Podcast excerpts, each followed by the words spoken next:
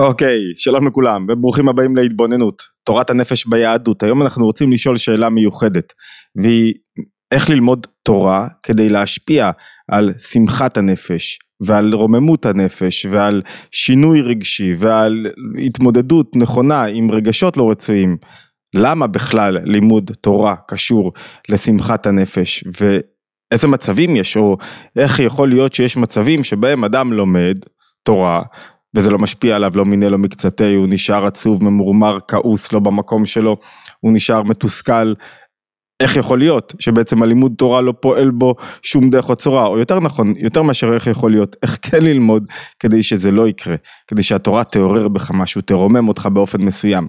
טוב, בכלל באופן כללי צריך להגיד כפתיחה, שסוד השימור של היהדות הוא לא צריך להיות גאון גדול, לא צריך להיות אדם דתי, לא צריך להיות אה, אדם מאמין, לא צריך להיות שומר תורה מצוות, אתם יודעים, אפילו לא צריך להיות יהודי כדי להבין מהו סוד השימור של היהדות. צריך להסתכל לאחור, מה החזיק את העם היהודי במשך למעלה מ-3500 שנה של רדיפות, גזירות, קשיים?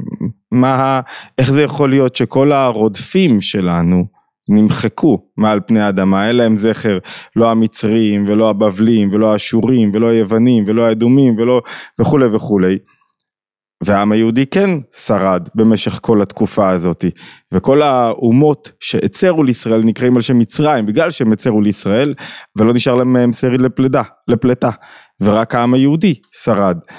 אי אפשר לומר שזה לשון, לשונות כבר בימי בית ראשון ובית שני היו 70 לשון, יהודים דיברו ב-70 לשון ואי אפשר להגיד שזה אה, תרבות או מנהגים, כי יש כל כך הרבה מחלוקות בין המנהגים השונים וחילוקים מהקצה עד הקצה. מה העניין היחיד שלא השתנה במשך 3,500 שנה?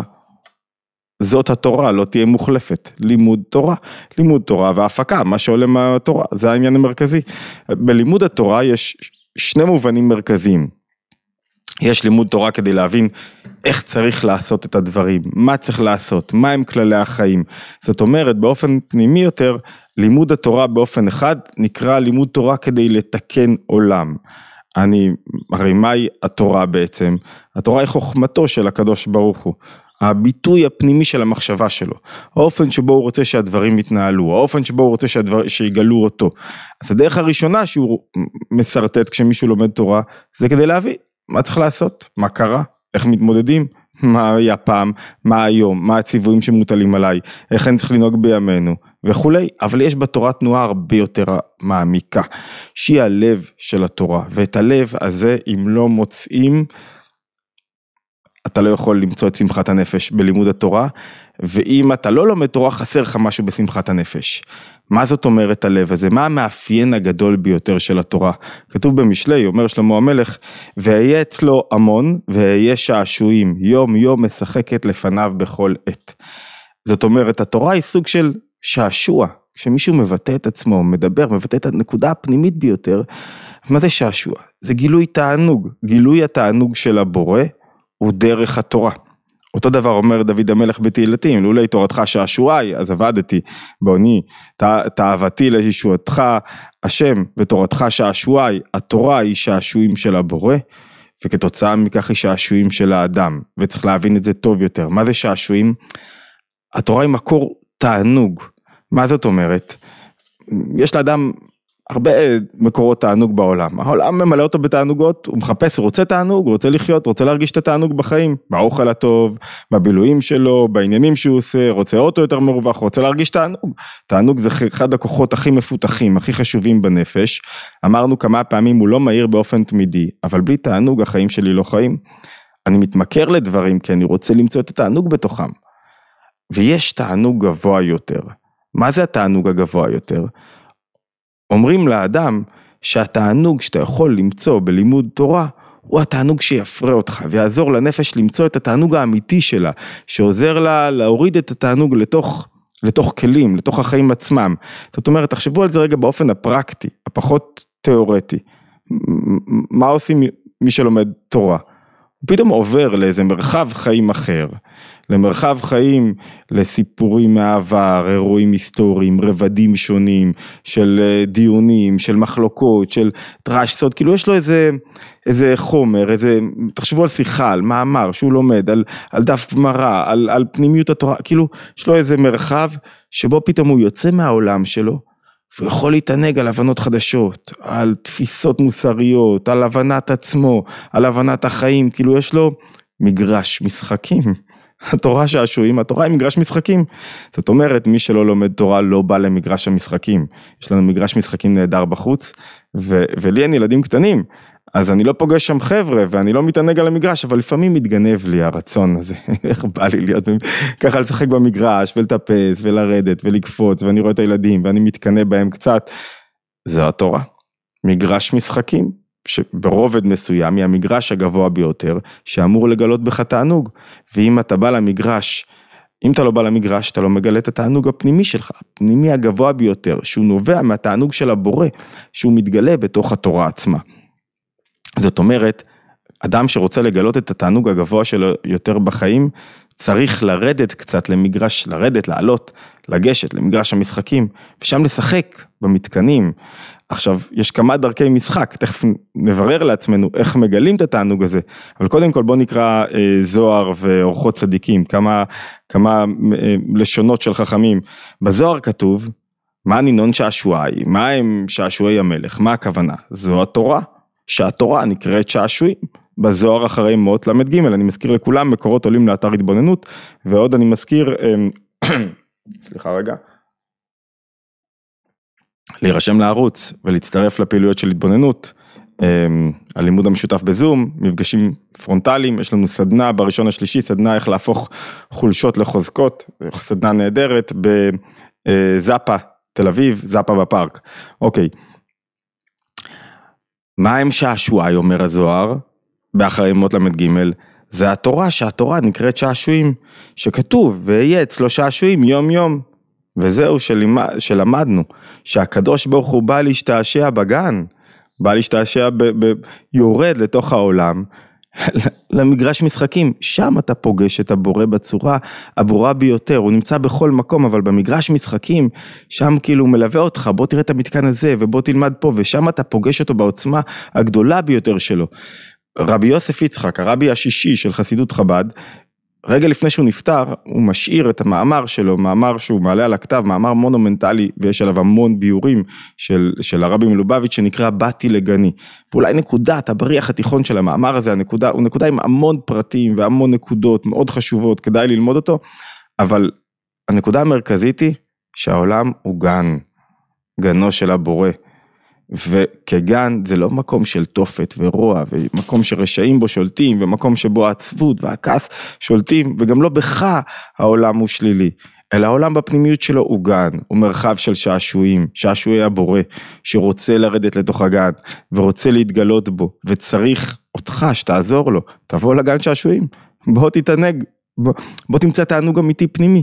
עכשיו בפועל זה באמת עובד ככה, זאת אומרת, זו הנקודה המרכזית, אדם שלומד תורה ולא מוצא את התענוג שלו בתוך התורה, או אני אנסח את זה בצורה יותר קשוחה קצת. אדם שרוב התענוגים שלו הם מחוץ לתורה, משהו יתפספס.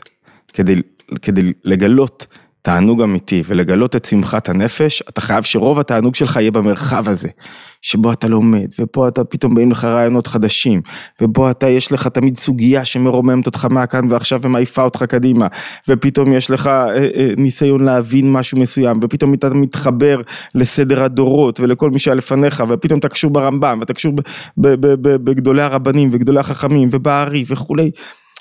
ובכל התנאים והאמוראים וכל חכמי ישראל, כי כל פעם שאתה לומד משהו אתה נהיה אחד איתם. הלימוד מייצר תענוג, זו הנקודה החזקה ביותר, שהתענוג זה פתאום הופך להיות, זה השעשוע שלי. אני, אני, לפעמים אני הולך לשתות בירה עם חברים, לפעמים אני הולך להתענג באמת, אני אומר לאשתי, אני הולך ללמוד תורה, אני הולך להתענג, רוצה את התענוג הזה, ואם אתה לא מוצא את התענוג הזה, או אם הוא לא בראש סדר התענוגות שלך, לא תצליח, משהו חסר.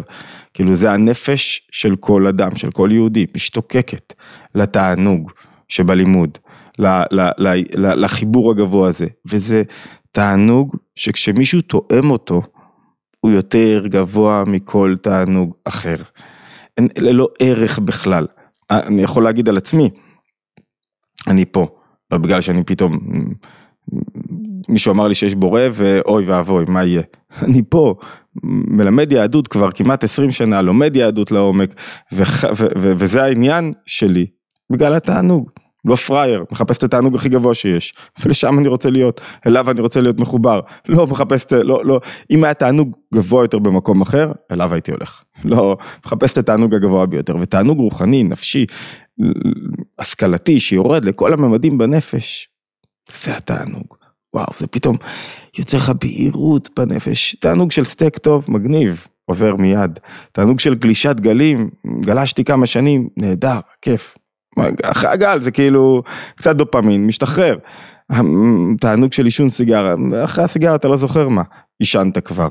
תענוג של תובנה טובה שיורדת לך לתוך החיים ומשפיעה עליך, היא יוצרת לך בהירות ממש עכשיו לפני שאני עולה להקלטה, מישהי שלחה לי שהיא שמעה איזה, למדה איזה משהו, שמעה איזה שיעור על הבנת כוח הדעת והמחשבה שפתאום נוצרה לה בהירות בנפש והבהירות מעניקה לה יכולת להתמודד ולא לוותר או לפחד דרך ארוכה, אבל הבהירות יצרה לה פתאום, וואו, אני יכולה לשלוט בזה, יכולה לשלוט בפחדים שלי ובחרדות שלי.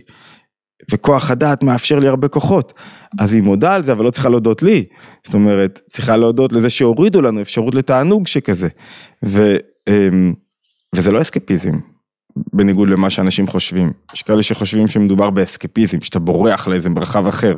לא, כשהמן שומע על הגזרה, הוא בורח ללימוד הלכות העומר. למה? כי הוא אומר, אוקיי, גזירה גזירה, אוקיי, מפילים גזירות כל הזמן, אבל איפה התענוג שלי באמת? התענוג שלי לא באיך אני אתמודד, אני, המשימה בחיים זה לא איך אני אגמור אותם, אגמור את החודש. המשימה בחיים היא לחיות אותם. לגלות בהם את התענוג הגבוה ביותר. כותב אורחות צדיקים, אה, בשער חמישי, שער אהבה, כותב מאוד יפה, וכל ימי קטנות האדם, הוא עסוק בקטנות שלו. בתענוגות, תאוות, מרוב תאוות הגוף, באבלי שווא, חושב לאסוף רוב הון, ו, ו, ו, ואז יום אחד הוא קולט משהו, הוא מבקש מנוחה ממידות הגוף.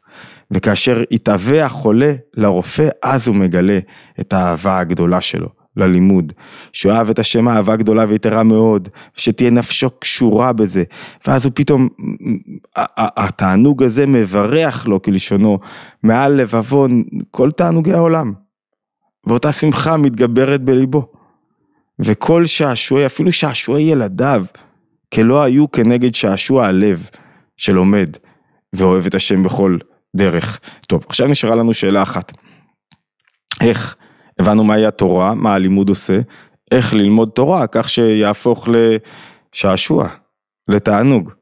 אז כמה נקודות מהירות. אחד, אחד הפוסטים שהכי חוזרים ואנשים הכי אוהבים להאזין להם, הכי פופולריים אצלי ובכלל אני רואה, בכלל בספר כוחו של הרגע הזה, כל פעם שאתה מדבר על, על רעיונות אקזיסטנציאליזם של נוכחות, של קיומיות, של להיות ברגע, הם מאוד חזקים, אנשים מאוד אוהבים אותם. עד שזה מגיע לרגע היישום. ברגע היישום, מה, אתה לומד לשמה, מה תוצא מזה? מה, לאן תגיע? מה תעשה? איך תתפתח בחיים שלך? לאן תצמח? כאילו, כשזה מגיע לרגע היישום, אז אנשים נסוגים. למה הם נסוגים? כי רגע, אני, החיים הם תועלתניים, אני כל הזמן דואג למה יהיה בעוד רגע ואיך הדברים יסתדרו, וזה נכון, צריך מטרות בחיים וצריך לדחוף, אבל קדושה מתגלה ברגע הנוכחות, כשאתה כאן, לימוד מתגלה, התענוג בלימוד מתגלה כשאתה מוכן להסיר כל מיני דברים הצידה. הרי, הרי כשמישהו הולך להפסקת סיגריה, מה הוא עושה? אני מפסיק עכשיו הכל, מתחבר לסיגריה. אותו דבר בלימוד. אני אעשה רגע הפסקה, אני עכשיו הפסקה מהעולם, שם את הטלפון בצד, את הטרדות שלי, את החרדות, את הפחדים, עכשיו אני מתרכז, מנסה להפיק את מה שאני יכול ללמוד ממנו. ואז יש לי איזה, איזה תענוג שמתגלה, שלא יכול להתגלות אם לא פיניתי לו מקום, אם לא שמתי בצד כל מיני דברים שלוקחים לי את התשומת לב לאין ספור מקומות. אומר הבעל שם טוב, אה, אומר, ישמחו, אומרים, בתפילת יום השבת, תפילת העמידה, ישמחו במלכותך שומרי שבת וקורא עונג. שוב, עניין השבת זה תענוג, זה הגילוי התענוג הגבוה ביותר. עמק את שש כולם ישבעו ויתענגו מטובך. ואז הוא שואל, למה כתוב יסבעו ויתענגו? הרי בדרך כלל קודם בא התענוג, ואחרי זה השביעה. כי אחרי שאני שבע, אני לא מחפש תענוג יותר. זהו, שבעתי, אני לא צריך יותר את התענוג. אז למה אומרים קודם כל יסבעו, ורק לאחר מכן יתענגו? אז הוא אומר, בענייני העולם זה באמת כך. אתה קודם כל שבע, ואתה קודם כל יש לך תענוג, התענוג דוחף אותך לדחוף עוד ועוד ועוד ועוד, אתה שבע כבר אין תענוג. אחרי שאתה שבוע והסטייק הטוב בעולם כבר אין בו תענוג, האוכל הטוב בעולם אין בו תענוג. הוא אומר, בלימוד זה בדיוק הפוך. זאת אומרת, אתה בהתחלה יש לך איזה שובע, אתה אומר בואנה, אני הולך לקבל פה, וזה נראה לך כאילו אני במקום שלי, ואז התענוג מתגלה תוך כדי השובע, כך הוא אומר בלשונו. למשל, אפילו בתחילת העיון, אדם שהוא חכם בתורה, גם אם יש לו קושי ללמוד, יש לו תענוג. הוא אומר, בואנה, למרות הקושי, למרות שאני לא מבין פה, או למרות שתכף אני אבין, מתגלה פה משהו מאוד מיוחד. אז הנקודה הראשונה שצריך לברר אותה, הנקודה הראשונה והחשובה היא, אמ, אמרנו שיהיה לי קודם כל הפרשה, שאני נוכח, שאני במקום שבו אני נמצא.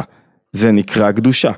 נקודה שנייה, יש שני סוגי לימוד. יש לימוד אחד של אור ישר, ויש לימוד של אור חוזר. מה ההבדל ביניהם? אור ישר זה אור שמגיע אליי מלמעלה, שאני מקבל תובנות, רעיונות, מבין, מפנים, אבל זה מלמעלה, לא עבדתי קשה. בא אליי איזה רב, בא אליי איזה מישהו, בא אליי מרצה, והוריד לי עם סיפורים, עם דוגמאות, עם משלים, ירד לי, יש לי מזה קצת תענוג. זה תענוג של אור ישר. אור חוזר זה שאני בעצמי מתמודד.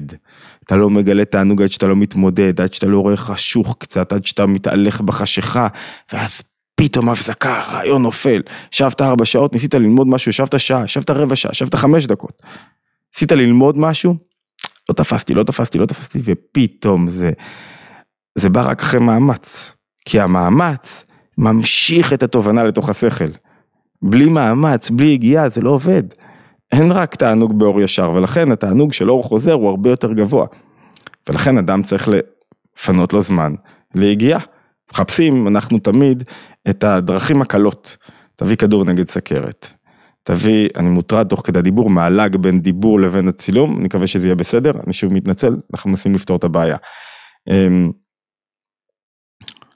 תביא, תביא כדור נגד סכרת, תביא כדור להרזייה, תעשה לי ניתוח, לא רוצה להתאמץ כדי להתגבר, כדי להתמודד. המאמץ מוליד המון סיפוק. מי שיוצא לרוץ ביום קר ומתאמץ, מכיר את הסיפוק הזה של התאמצתי, התגברתי על עצמי, ואז פתאום זה הופיע. בתחום הגוף זה סיפוק מסוים, בתחום השכלי זה סיפוק הרבה יותר גבוה. כי הבנת משהו, וואו. עכשיו, שכל עושה את זה ממילא. שכל שיש בו את אור הבורא, לימוד שיש בו את אור הבורא, זה וואו, זה כבר דרגה אחרת, כי התענוג של אור חוזר מגיע הרבה יותר גבוה, הרבה יותר למעלה, והוא מגלה נקודה מאוד פנימית בנפש, נקודת הפנימיות עתיק זה נקרא בשפת הקבלה, הנקודה הכי פנימית בנפש, אוקיי. נקודה שלישית, שתעזור לנו להבין איך אני מגלה תענוג. יש שני סוגי אור חוזר. יש אור חוזר אחד שהמטרה שלו היא להבין, אני עובד קשה קשה קשה כדי להבין, ויש אור חוזר אחר שאני לא רוצה רק להבין, אני רוצה להתחבר. אני רוצה להיות חלק מהרצון, מה... להיות, לפגוש את הבורא במגרש השעשועים, לא רק להבין מה הוא רוצה ממני. וזה תענוג שהוא בא מתוך זה שהאדם כאילו מנסה להבין מה רוצים ממנו, לא רק מה הכתוב רוצה. מה רוצים ממנו, ואז כשהוא מנסה להבין מה רוצים ממנו, זאת אומרת, אתה לומד שיחה, מאמר, רעיון, אתה שואל את עצמך, מה עלה לי מזה? מה הבנתי מזה בפועל? איך זה חודר לי בתוך המציאות? מה המשמעות של הדבר? מה זה אומר לי? זאת אומרת, עוד פעם, יש אור חוזר שאני מנסה להבין את הדבר, ויש אור חוזר שאני מנסה להבין מה זה אומר לי. כשאני מנסה להבין מה זה אומר לי, אני מוריד את זה. אני מתחבר לעניין בצורה פנימית ועמוקה. לא בצורה כללית. זאת אומרת, זה לא רק הבנתי את הדבר, זה חדר לתוך תוכי.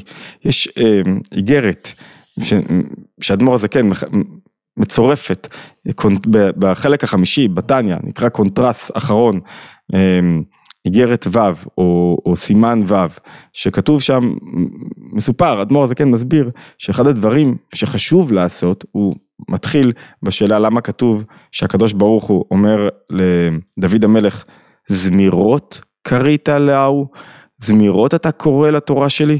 אני מזכיר לכם רגע את הסיפור, את הקונטקסט. הקונטקסט הוא כזה שדוד המלך מעלה את ארון הקודש מקריית יערים, מבית אבינדב לירושלים. הוא עולה עם 90 אלף לוחמים, איש, שבאים יחד איתו והם נושאים את ארון הקודש על כרכרה ועוזה. אה, מנסה לשמור על הארון כדי שלא יחליק לאחור והקדוש ברוך הוא מעניש אותו כי רק לוויים יכולים לגעת בארון ודוד מבין שמשהו פה נעשה לו כמו שצריך, וצריך את הלוויים שיישאו את הארון, ויש שמחה גדולה סביב. השאלה הגדולה, מה הייתה הבעיה? מה הייתה הבעיה? עלו 90 אלף איש בשמחה גדולה, העלו את הארון, לא הכוונה היא העיקר. אז דוד המלך, אדמו"ר הזה כן, שואל, על בסיס השאלה של מה שאומר הקדוש ברוך הוא לדוד המלך, הוא אומר, חסרה פה נקודה. שמחת דוד המלך עליו השלום היה מזמר ומרנן ו- ומשמח ליבו בעסק התורה בעת צרתו. כל פעם שצר לו הוא יוצא רגע למרחב אחר ומנסה תוך במרחב הזה להתעלות ו- ו- ולהרגיש קרבה ללכת לגן שעשועים של הבורא. זה לא מספיק. אתה צריך לחבר את זה לתוך החיים עצמם. מה זה אומר לי בסופו של דבר בחיי היומיום. אני אסכם את מה שאשתי הייתה אומרת לי כשהתחלתי ללמוד חסידות, תורה, פנימיות. הייתה אומרת לי, לא מעניין אותי מה אתה לומד, לא מעניין אותי כמה, מה, מה, מה ההספק שלך, זה לא מעניין, מעניין איך אתה חוזר הביתה, איך זה השפיע עליך. זאת אומרת, יצאתם מלימוד, אתה שואל איך זה משפיע עליי בבית, בשמחה בבית שאני מביא, בחיבור לזוגיות, בלהיות אדם אחר, אדם שמשתפר, והאינדיקציה היא תמיד השמחה של בני ביתך, האווירה בבית. מקילומטר אפשר לראות ילד שהוא עצוב או כעוס או, או יוצא מבית חרד או מבית שהוא, שהוא מלא סטרס, אתה רואה על הילד, לא יעזור שום דבר. ובית שילד שיוצא מבית שמח, ש, שההורים הביאו הביתה את השמחה, ניכר. שמחת הנפש, אתה רואה את הילד הרבה יותר עם ביטחון, מתהלך בעולם, העולם לא נגדו, העולם מחכה לו ולמסר שלו ולכוחות שלו, וזה האתגר הגדול בסעיף הזה שלנו, לחבר את התענוג שלך עם החיים עצמם. שהתענוג ירד ויתפשט בכל אברי הנפש. הרי מה ההבדל בין התמכרות לבין תענוג אמיתי? התמכרות לא יוצרת בך שינוי. לא חודרת בכוחות הפנימיים בשפת החסידות. נשארת מקיפה. עבודה פנימית, תענוג אמיתי, חודר בך בסוף. יוצר כלים. הוא משפיע עליך, על איך שאתה קם בבוקר. אתה קם עצבני, הוא משנה לך את העצבים. אתה, אתה לא אומר לעצמך, אני כל בוקר קם עצבני. הוא משנה לך את זווית הראייה. ולכן התענוג הזה חודר לך בחיי היומיום, בשעות היומיום, בשעות השגרה, בשעות הקשות, בעת צרתו, ובכל רגע. זה לא רק שיר שאתה מתנגן, זה באמת חודר תודעתית בכל הרבדים. אוקיי, טוב, אז אנחנו אה, התבוננות יומית, מוזמנים להצטרף לערוץ, ואמרנו אה, לקבוצות הוואטסאפ ולפעילויות באתר התבוננות, ולהשתמע שיהיה לנו הרבה חיים מלאי תענוג. תענוג אמרנו לא סותר כאב על האירועים, אבל תענוג הוא הדרך לחיות את החיים עצמם. בשביעי לעשירי, החמאס ניסו לקחת לנו את התענוג מלימוד, שיא התענוג בשמחת תורה. התפקיד של כולנו הוא להחזיר את התענוג ללימוד, להחזיר את התענוג לחיים, להחזיר את התענוג בזה שמישהו פותח ספר, בזה שהוא, שהוא מגלה מרחב שהוא הולך לגן השעשועים, וזה לא סותר את הכאב ואת ההזדהות עם חטופים, ו- וכל הרגע אדם צריך לחיות את החטופים, וזה לא סותר את זה שהוא חי חיים של תענוג, שהוא מתחבר למשהו גבוה יותר, כי זה ממלא אותו כוחות, ואת הסיבה להמשיך לחיות. התבוננות יומית, להשתמע בהתבוננות היומית הבאה.